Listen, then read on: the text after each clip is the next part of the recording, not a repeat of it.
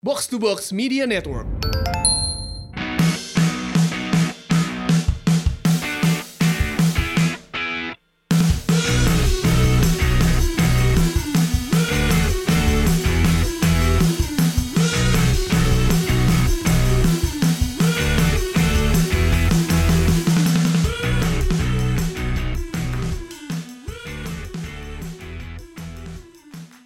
Saatnya Box to Box Awards 2019 presented by Brodo.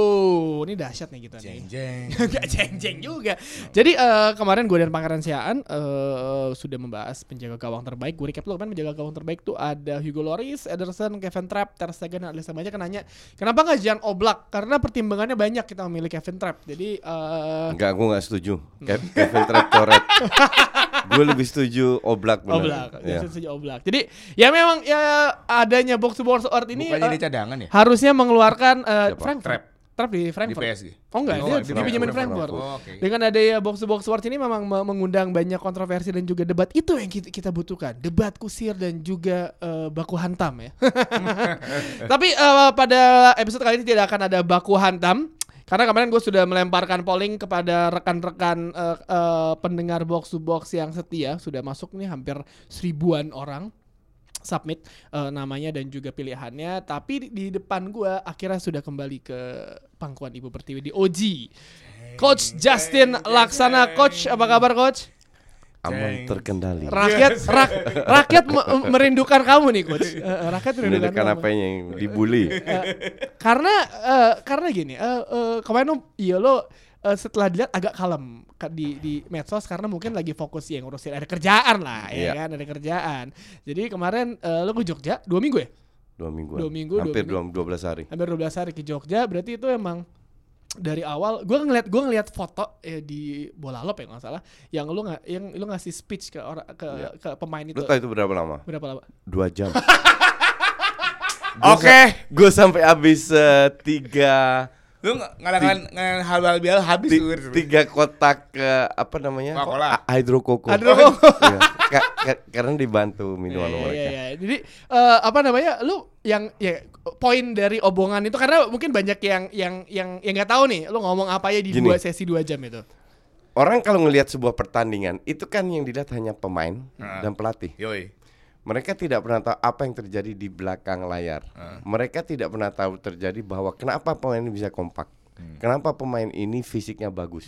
Kenapa pemain ini fit. Kenapa pemain ini auranya positif. Nah, itu kerjaan gue. Hmm. Ngurus-ngurusin gituan. Jadi dari A sampai Z yang orang tidak lihat ya ibarat gue persiapkan pemain terutama dari sisi kalau makanan gue diskusi dengan kayak Kensuke ya. Pelatih soal makanan, soal disiplin dan lain. Nah, ini ini sangat penting. Dan gue tahu ada satu dua yang melang- ada pelanggaran ringan lah, pelanggaran yang masih bisa ditolerir. Tapi secara overall itu sangat kondusif. Nah, kondusif. Ya, dari sisi pelatih, dari sisi pemain, kinerja apa namanya? Kenapa di AFF tahun lalu gagal? Karena internal nampaknya gue nggak ada di situ, tapi nampaknya kurang kurang kondusif. kurang kondusif Ya. dan juga ya so- Dan sekarang di di tim pelatih sangat kondusif, kompak ya. kompak, kualitas pemain sangat kompak dan eh, berkualitas.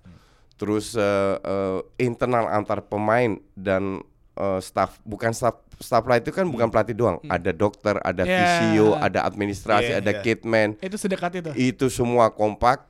Terus em, apa namanya? Dan lawannya pun juga tidak secanggih dulu. Hmm. Gue kan dari 2003 di futsal. Walaupun gue lima setengah tahun pensiun, kan gue ngikutin juga. Maka dari itu dengan segala faktor, setelah begitu lama gue tidak pernah mau kasih target. Hmm. Kali ini gue kasih target kita juara. Asia nih. Titik. AFF. Oh AFF sorry AFF. Wah AFF juara lah ini. Nggak, tapi gua bingung ya. Gua eh gua ngerasa ini nggak kayak tim Indonesia pada umumnya gitu. Maksud gue Betul. ini foto tim kemarin tuh di Piala AFC ya, di Piala AFC ini nggak kayak Indonesia sebelumnya tuh. Yang kayaknya nggak ada takut nggak ada takutnya gitu ketika ng- ngadepin Ya. Iran lah siapa gitu. Betul. Ya. Takut, takut sama Tuhan lah. Oh iya, saya- Dan dan inilah hebatnya seorang emang gue sempet diskusi keras sama dia. Oh siapa nih? Juga, oh, ya. Mungkin.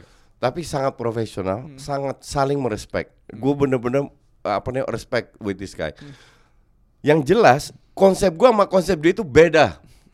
180 derajat dari sisi disiplin, dari sisi ngelatih, dari Oke. itu beda. Satu Tekniknya ya, tekniknya ya. satu hanya sama, Apa? strategi. Oke. Strategi kita apa yang dia dia lakukan udah top top banget lah. Dan gue pun belajar dari dia. Dan dia pun juga belajar dari masukan dari asistennya, dari pemain. Jadi kita saling membantu lah, Kasan dan dan itu berjalan so far, so far very good. Bener-bener di luar ekspektasi gue. Mantap. I- ibarat ya sebenarnya gue nggak nggak begitu banyak kerjaan juga. Karena semua udah berjalan lancar. Paling yang gue lakukan adalah banyak komunikasi dengan pemain. Karena Ken juga bilang pintu gue itu 24 jam terbuka untuk semua pemain yang ingin bertanya. Nggak ada satu yang tanya. Tapi ta- tapi gue masuk ke empat kamar satu kamar tiga orang 12 orang. Nggak ada satu yang paham 100% pahamnya cuma 50% tapi that's typical Indonesia itu gue mengalami jadi gue tahu kelemahan-kelemahan pemain kita itu seperti apa nah ini gue jadi jembatan lah kasarnya dan itu baru seminggu latihan itu udah luar biasa mainnya Keren ya. Kalau lo Keren ngebedain banget. kalau Ya. ngebedain ketika lo masih eh, terjun langsung secara teknikal gitu kan sama kemarin nih anak-anak muda ini gitu kan ya. Ya. Yang bikin beda sih apa sih anak-anak muda sekarang yang ada di tim itu? Dulu dulu. itu kolam pemain di mana pelatih harus memilih untuk timnas itu terbatas. Oke. sekarang lebih banyak. Oke. Ah. jadi pilihannya lebih banyak. Dan eh, dari sisi manajemen Liga Pro sekarang jauh lebih profesional. Contoh dulu Iya. nggak ada pemain yang gajinya 20 juta. 10 juta itu udah topnya top. Mhm. topnya top itu 10 sekarang kalau gue denger gaji pemain gue st- stres sendiri gue. Gila ternyata klub-klub itu udah pada kaya udah berani klub berani gaji puluhan juta untuk pemain Padahal futsal ya, maksudnya yang Pa- industrinya padahal futsal, terlihat tidak sebesar Dan yang lain putaran gitu duitnya ya. juga besar banget di sini kan. nggak ada nggak ada untung klub Gak ada untung. nggak ada untung nggak ada satu klub yang untung Berarti itu itu kebetulan prestis. ada sekitar enam klub yang Hmm. pemiliknya tajir melintir Hmm. yang mau keluar duit untuk futsal dan itu miliaran se semusim Semusim. ya Jadi apa apa yang apa yang didapetin sama klub itu dong kalau nggak ada untungnya? Prestis. hobi Luar biasa. prestis Daripada apa eh, Masih banyak beli orang hebat Indonesia, beli Bro. beli mobil mewah, beliin tim futsal. Iya, Enggak, iya. mere- mereka invest di futsal dan tetap punya mobil mewah kok. Rich by nature. Jadi Biasa lu- sih gitu juga ya. Iya. Udah. Eh, jadi kalian-kalian yang baru eh, baru eh, mendadak kaya di atas yang kaya lebih banyak lagi Iya. Ya, kalau Eh, punya Bitcoin ada sekitar seribu ya dua lah kasih buat bi- bikin tim futsal Nah, kan gitu, ja- gitu lah. Jadi intinya adalah kembali ke pertanyaan lu, kenapa apa bedanya? Hmm. Banyak, nggak bisa dibandingin. Co- contoh juga satu, kita KFF nih, Hmm. itu tiga kali uji coba internasional. Hmm. MNC Cup di 6-7-8 September di Jogja, yang ikut Uzbekistan, Uh. Irak dan Taiwan. Irak kan, Uzbek Irak kan Bus. jago kan? Irak itu selevel sama kita, Taiwan di bawah kita, Uzbek di atas kita. Oke. Uzbek itu kalau nggak salah em- 14 dunia, dunia ya, Iya, dunia 14. Terus kita ke habis itu ke Bangkok, try out 4 sampai 6 match, Hmm. pulang Dengan habis lokal tim ya. dengan lokal tim sama timnas juga. Oke. Habis itu kita ke ke Jepang Hmm. dengan lokal tim, pulang dari Jepang baru kita ke FF. Itu seumur hidup gue nggak pernah men.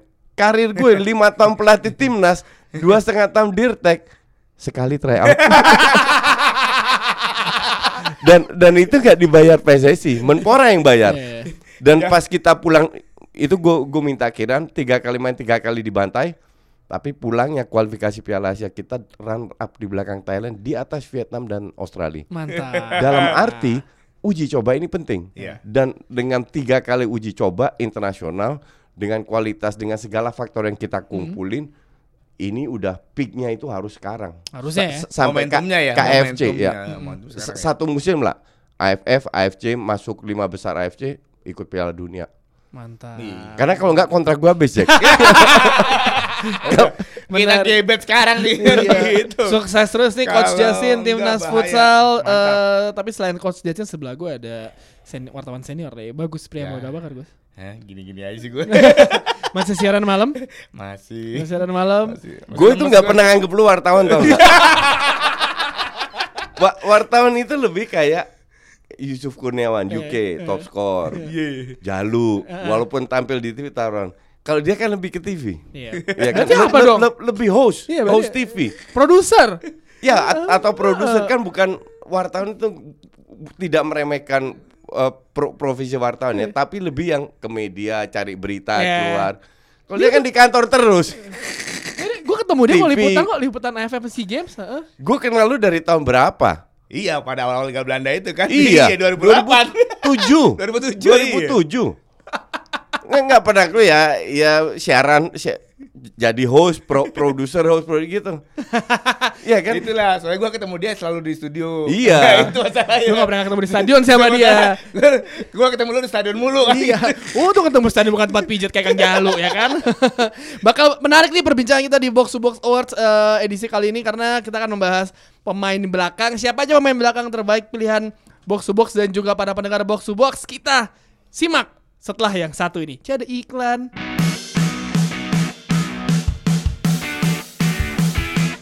Masih di Box to Box Awards 2019 presented by Brodo. Kalau kalian membutuhkan sepatu yang ciamik untuk eh, eh, kencan ataupun untuk acara-acara formal dan juga acara-acara serius, Brodo adalah ada adalah pilihannya, ya kan. Gue punya tuh satu tuh. Sering gue sampai gue pakai sampai sekarang lagi. Jadi pemain bola, apalagi pemain bola zaman ini beda mereknya. Bukan, ini kan buat casual. Jadi pemain bola tuh sekarang banyak banget yang kayak fashionable banget kan, streetwear. Wah, apalagi pelatih pelatih eh, kayak Coach Justin lah, maksudnya Coach Justin gayanya sty- style-nya kan street banget ya kan. Yoi. Anak jalanan. Jalanan. Gembel. Lu kalau masuk eh, mobilnya Coach Justin, lagunya Tupac Shakur. Nah, gue sih waktu tiap lihat YouTube-nya dia itu keren banget. Menurut gue dia dengan kaos dan eh, Coca-Cola itu Dan itu, rokok. Iya, rokok itu. That's man itu street banget man itu. man. itu eh, menjadi eh, fenomena fenomena luar biasa sih ketika ini kita bahas singkatnya ya fenomena orang ngomong di depan kamera eh, which is kameranya handphone coach Handphone. Yoi. handphone pakai tripod yang nitip beli sama gua ya kan yang nonton eh, kayak misalkan buat apa lu ngedit-ngedit video jauh-jauh ya kan? Hai guys! Gitu-gitu. Wah angle macam-macam satu orang sudah membuktikan coach Justin satu ngomong saat ngomong iya ngomong karena emang pekerjaan hobi dia. Nonton 250 ribu Iya. ribu kayak ape banget sih ya kan? Curang tuh nggak? Ya kan? Langsung upload ya. langsung Iya. upload. Ayo sih nunggu-nunggu Ah, lo kalau ngelihat eh, promonya Justin di Twitter nanti malam saya akan ini ini please eh, tolong RT oke. Siapa? Tapi itu fenomena It- itu. Asik eh, kan dia berarti melanggar semua paradigma gitu kan. Iya, iya, dan nggak ada yang itu dan sekarang banyak yang mengikuti juga ya kan. Jadi yang eh, menurut gue yang menarik adalah itu sebenarnya kayak podcast box to box tapi Justin sendiri dan dia punya style yang sendiri mantap. Tepuk tangan buat Coach Justin ya kan. Tapi kalau sekarang kita akan membahas lima pemain belakang terbaik nih pilihan dari eh, box to box dan juga pendengar box to box langsung aja diurut Bejo Sugiantoro. Hehehe. Ya, salah tahun gue. Aples Tecuari salah lagi ya kan. Di nomor 5 ada Rafael Varane eh, Real Madrid dan juga Prancis. 2018 dia juara dunia dan di musim sebelumnya kan dia menjadi juara Liga Champions. Eh, pemain belakang yang musim ini mungkin eh, karena Real Madrid dari awal musim udah ugal-ugalan, nggak terlalu terlihat gimana dan akhirnya kalah keluar dari Liga Champions. Bentar, bentar. Itu itu hasil polling yang lu bilang. No- Hasil nomor polling. 5 Farhan. Hasil Jadi yang polling. lu kirim ini hoax dong. Eh, itu mah bukan hoax, itu kan listnya. Oh listnya. Gue kira ini hasilnya. Itu listnya. Makanya Ah. bilang ini pa- lengkap lu kirim ini lu. pasti fans kardus semua nih yang milih. Bukan, itu listnya. Oke, oke, gitu. oke. Nomor 5 Varan. Kalau sekarang yang, yang polling Varan itu Enggak, co- coba lu sebut 1 2 3 4 5 dulu. nomor 5 Rafael Varan. Ya. Ini pilihannya. Nomor 4 Koulibaly. Skor Oke. skornya sama dengan Rafael Varan. Oke. Eh, nomor 3 Trent Alexander Arnold. Oke. Nomor 2 Delich.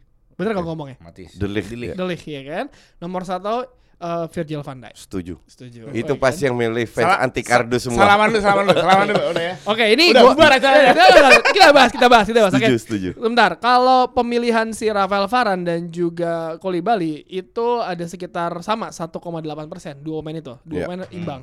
Dan si Trent Alexander Arnold 7,2 persen yang memilih Alexander itu urutan 3 Urutan 2 Matis Delik eh, urut 16 persen. Oke. Tapi emang dahsyat, 73,1 persen memilih eh, Van Dijk.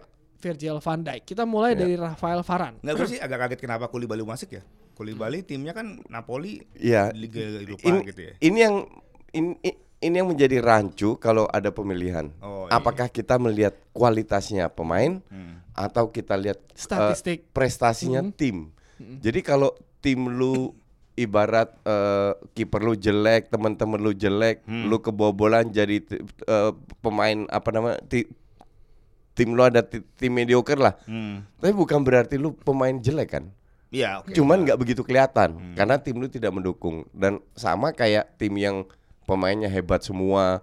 Seolah-olah pemain ini hebat padahal nggak kebobolan banyak Co- contoh padahal kipernya luar Kayak biasa. main jago. Iya, iya. kayak kayak MU kayak gitu ya.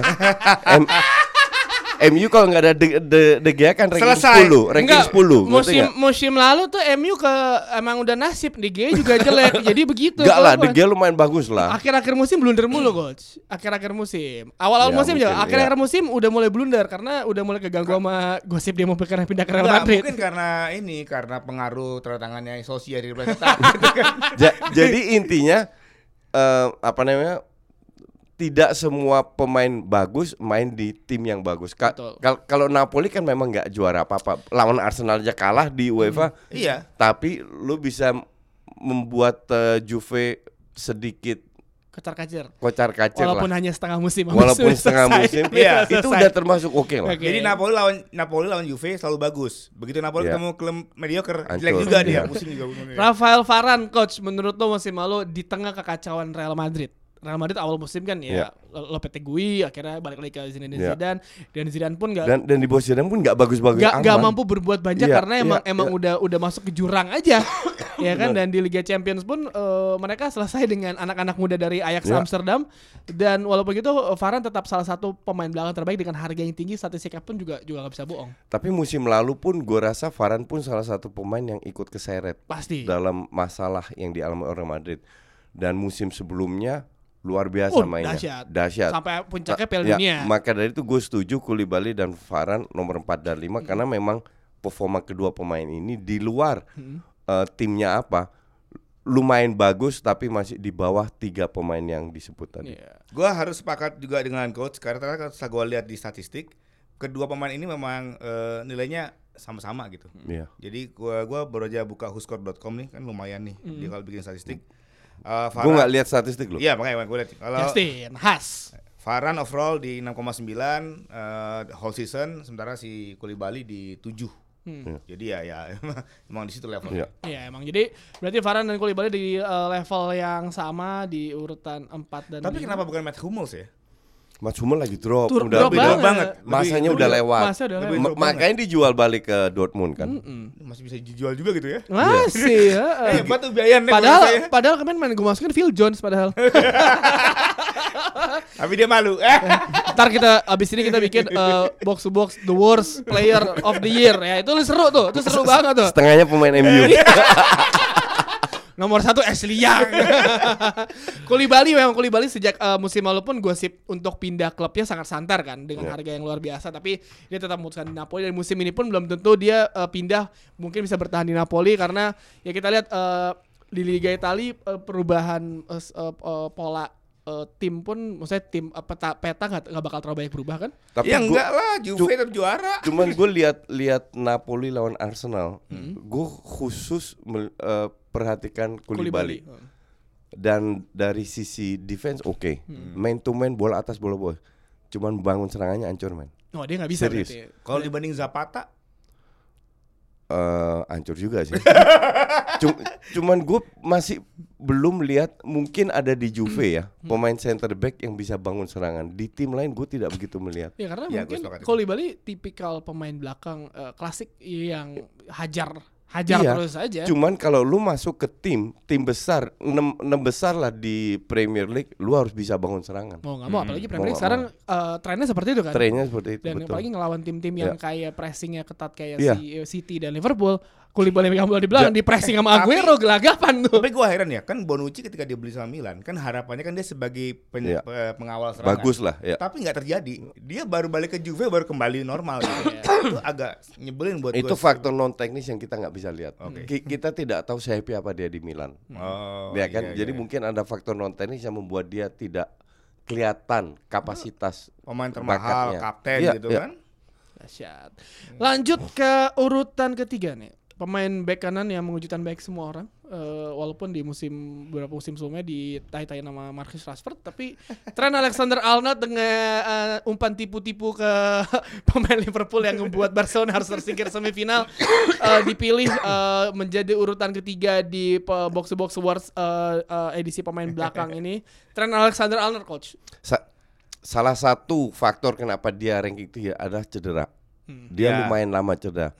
Tapi pada saat dia tidak cedera, itu kontribusinya terhadap performanya Liverpool itu besar banget. Dan dia juga nggak nggak nggak gugup dengan umurnya dia yang masih muda. Sama sekali Sama tidak. sekali nggak muda. Sama Dan sekali- cukup cepat ya dia balik ya. ada ketika pasti main lagi. ya dan dan kembali lagi benar nggak nggak butuh lama jadi untuk gue ini pemain salah satu defender terbaik di Inggris dan dan dia sudah mengerti mengerti banget apa yang mau dima, eh, apa yang dimaui oleh Klopp juga yang Ya. membuat juga akhirnya Nathaniel Klein harusnya pindah ke Bournemouth eh pindah pindah ke Bournemouth kan? Iya, benar. pindah ke Bournemouth kan? dan dan eh, Trent Alexander-Arnold di mata lo yang juga fans Liverpool pas pertama kali lo ngeliat nih bocah pas masuk eh, tim utama Liverpool apa yang ada di otak lo Gus Sama dengan gua Kurus banget nggak? Sama dengan gua ngelihat eh, Andrew Robertson di sebelah kiri. Ini apa sih ini back gitu kan ini?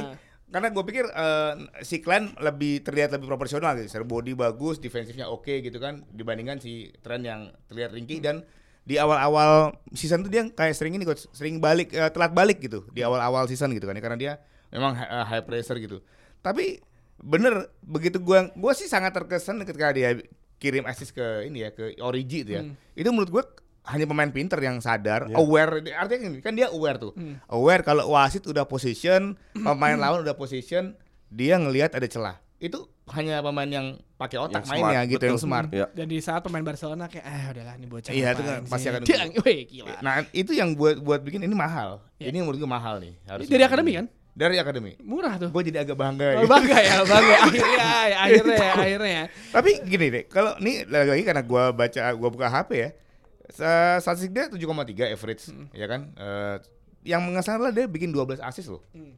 Di satu musim. Itu Ya.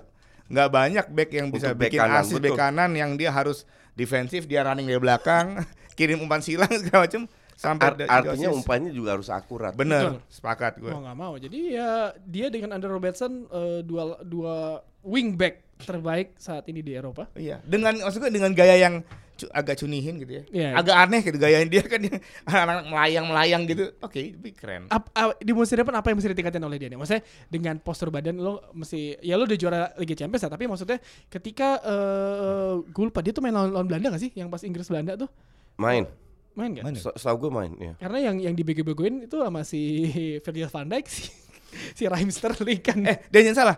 Si, si tren ini sepanjang musim adalah orang yang paling sering diteriakin sama Virgil di Liverpool. mungkin Karena agresivitasnya itu. Iya. Karena Ya, mau nggak mau lo mesti cepat balik belakang. tiap, jadi di, ada di grup Liverpool gitu ya. itu hampir tiap minggu selalu ada meme eh, Virgil marah-marah sama si Trent.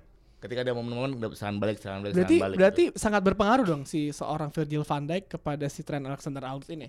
Kayaknya sih gitu. Mau kayak dulu. ya teru- terutama pemain muda ya Iya. jadi pemain muda akan lebih banyak diomelin nah Ka- Iya. omelin dalam tan- tanda kutip lah dan tanda kutip Ya. baik buat mereka. ya Dan uh, pemain muda lainnya yang masuk ke uh, uh, lima besar ini yang juga baru mem- memutuskan pindah ke Juventus, De Ligt dari Ajax uh, musim lalu baru pindah beberapa hari yang lalu sih. ke Ngapain sih pindah ke Juventus?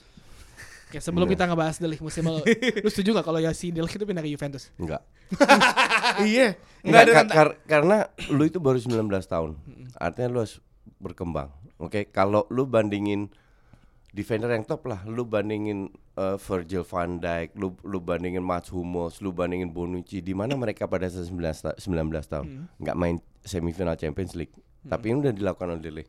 Bukan berarti dia tanpa ce- tanpa celak, bukan berarti tanpa dia berapa kali bikin blunder, tapi dengan sosok leadershipnya untuk orang yang 19 tahun dengan kedewasaannya, cara dia bermain, berkembangnya. De Ligt itu kan pertama kali main di timnas itu umur 17 tahun, tahu nggak? Iya. Di di bawah Daily Blind, Hmm. di mana dia Danny ber- Blind. De- De- Danny Blind, Danny Blind, di mana dia bikin blunder, dibully satu Belanda karena kalah, Lu pasti juga nggak ngebully nggak- deh. nggak- nggak lolos. Enggak, tapi gue selalu bilang ini pemain baru tu- 17 tahun pada saat itu dan dalam dua tahun Bebannya gede banget. bebannya gede- dal- dalam dua tahun itu berkembangnya luar biasa. Tapi kenapa tidak ke Juve? Eh, kenapa Juve ke ini kan auto win, auto juara. Iya. dan dan justru dia gue bilang dia harus bermain di kompetisi yang ketat. Bahkan gue bilang lebih baik ke City atau Liverpool Hmm. Atau mungkin ke Bundesliga. atau Bundesliga bahkan ke Munchen Dortmund Dortmund, daripada main di Dortmund aja udah. daripada cuman ya sepak bola zaman sekarang kan tergantung agennya juga Iya. yang yang jago nego dia tidak sebenarnya gue yakin dalam hatinya tuh dia pengen ke Barca karena ketemu Sama sama, si temennya. Diong. sama Diong Mm-mm. ternyata Barca nggak bisa bayar gaji dia Mm. Iya. dan Juve Belgian bisa ya. jadi ujungnya duit juga It's all about money. Iya. Dam dam dam dam. Jadi ya gue percaya sama teman gue yang Juventini kan. Hmm. Ya lu mas. Nggak ngapain sih pada beli eh, tanpa tan- Tanpa delik tanpa pun. delik lu bakal juara liga Liga Italia Orang gitu udah loh. udah udah be- pe- bercandaan yang dimulai dari tengah musim lalu beli Aaron Ramsey. itu paling bercanda. Ya kan? Udah paling bercanda lu beli be- datangin Aaron tanpa Aaron Ramsey pun lu tetap bisa juara. tapi gue ingat jadi gue kan salah satu yang gue senang dulu sebelum eh, bareng sama Virgil ini gue siapa? The Frey. Stefan De Vrij. Itu menurut gue back bagus, tapi begitu dia di Itali, dem. gue seperti kehilangan Iya. kehilangan auranya nih Ka- pemain kalau gitu. gue setuju The Vrij untuk gue bagus cuman lu lu harus lihat dulu pada saat dia Feyenoord ke Lazio dia Ya. dibeli hanya 8 juta sementara Oke, d- City beli Manggala 40 juta. Iya, iya. Main juga ya- kagak. ya, Iya, ma- main juga iya, kagak. main juga kagak. Ngerti nggak? Di Lazio awal-awal oke. Terus setelah Tahun dua, kedua. dua, dua, dua, tiga tahun, tahun terakhir tuh mulai mulai dicadangin loh. Di Inter pun tidak tiap minggu main, tapi 60% dia dia masih main. Cuman gue lihat eh, apa namanya, The Vrij ini tidak berkembang. Tetap bagus, tapi tidak berkembang sehingga dia bisa menjadi top. Bahkan dilompatin sama De Ligt dan De Vrij sangat layak jadi cadangannya De Ligt Harusnya. di timnas Belanda. Iya, iya. iya. Jadi Delik berada di urutan kedua semoga sukses walaupun musim lalu juga luar musim lalu ketika lawan tim tim besar kecuali lawan Spurs saya itu emang udah apa saja sih lawan Spurs. Tapi mungkin juga karena efek ini, ya, efek Ajax kali ya. Ketika Iya. Ajax berada di empat besar, dia dapat Spurs masuk itu itu tinggal 10 detik selesai loh. Da- Dapat bola sirkus dari belakang tiba-tiba bisa ke depan tapi, tapi itulah sepak bola penuh dengan Iya, drama. iya, Sangat yang menyenangkan. Jadi Matis Delik eh, ngomong gimana? Delik, Deli. eh, nama panjang? Eh, Matthijs Delik. Matais, Matthijs ya? Delik. Ya, Matthijs ngomong gitu Delik. loh, ngomong gitu, ngomong salah depan kok diteriakin loh, Matais Delik. Iya. Ya. G sama T-nya eh, Lulu Delik. Makanya gue jarang angkat berita Bela- Liga Belanda. Takut dimarahin.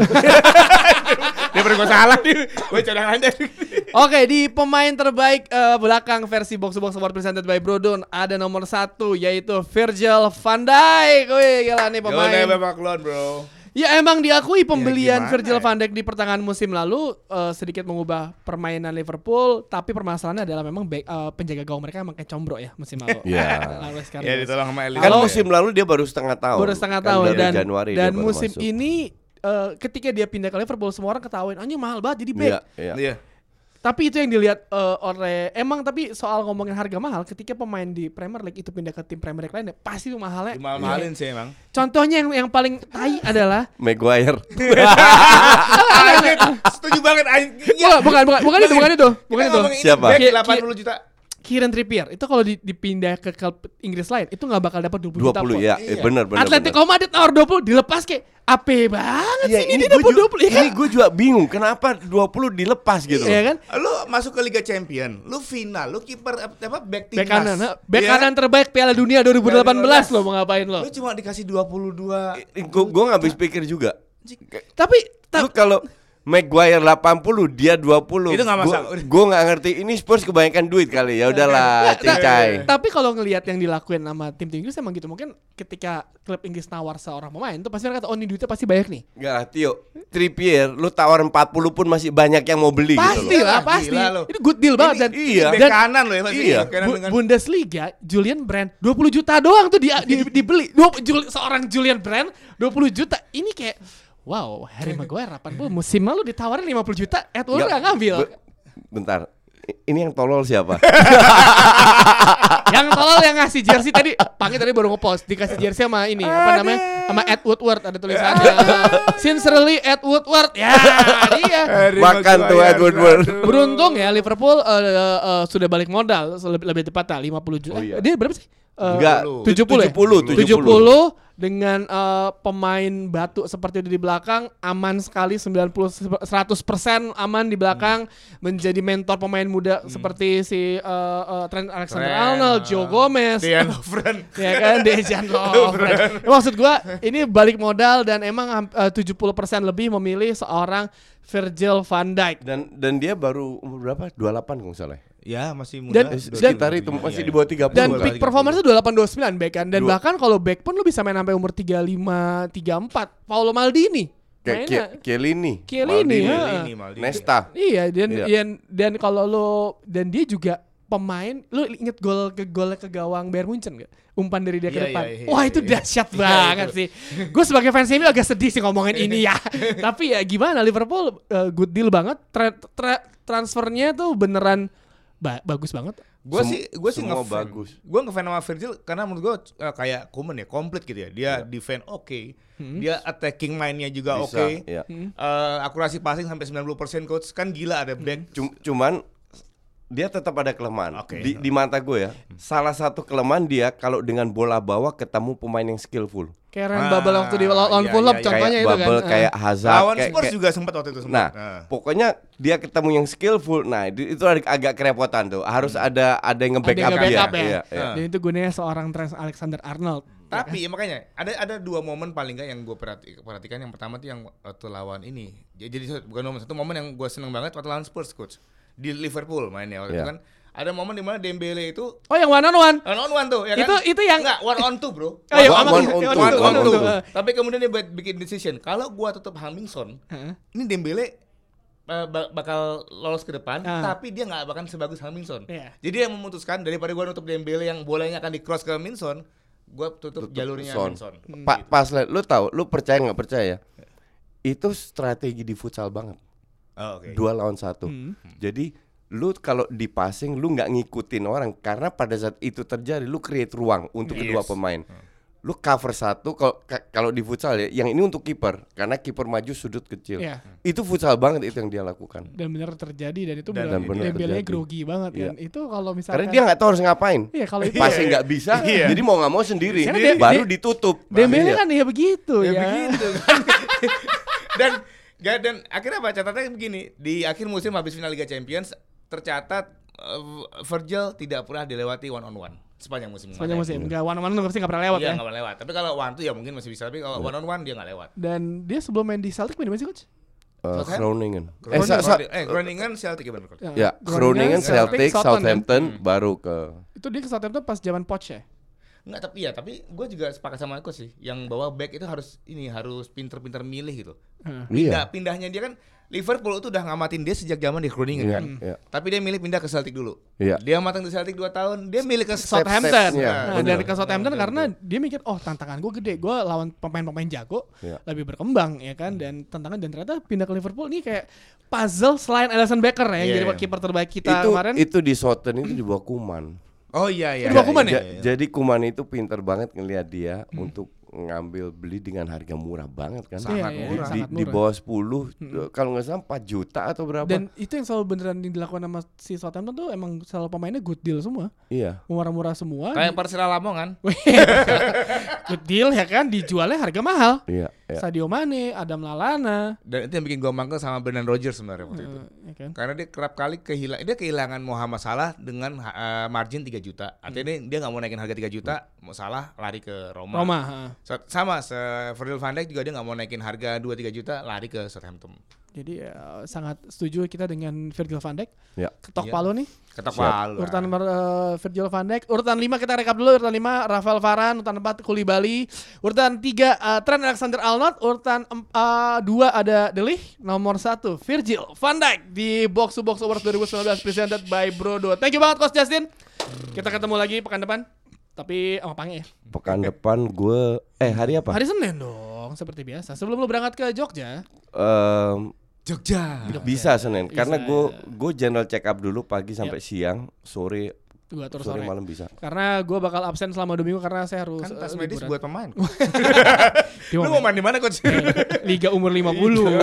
Liga 50 plus plus. Vet- veteran Cup ya kan Coach Justin Mas All Bagus Star, All Star, All Star Mas All Star. Bagus terima kasih banyak nih Yoi. Gua bisa uh, calling-calling dadakan lagi ya. Sedap. Kayak gini ya Thank you semuanya uh, Sampai jumpa uh, Gue bakal absen dua minggu Nanti yang gantian Pange tetap akan ada uh, Pange dan Lu Justin mau ke mana sih? Apa?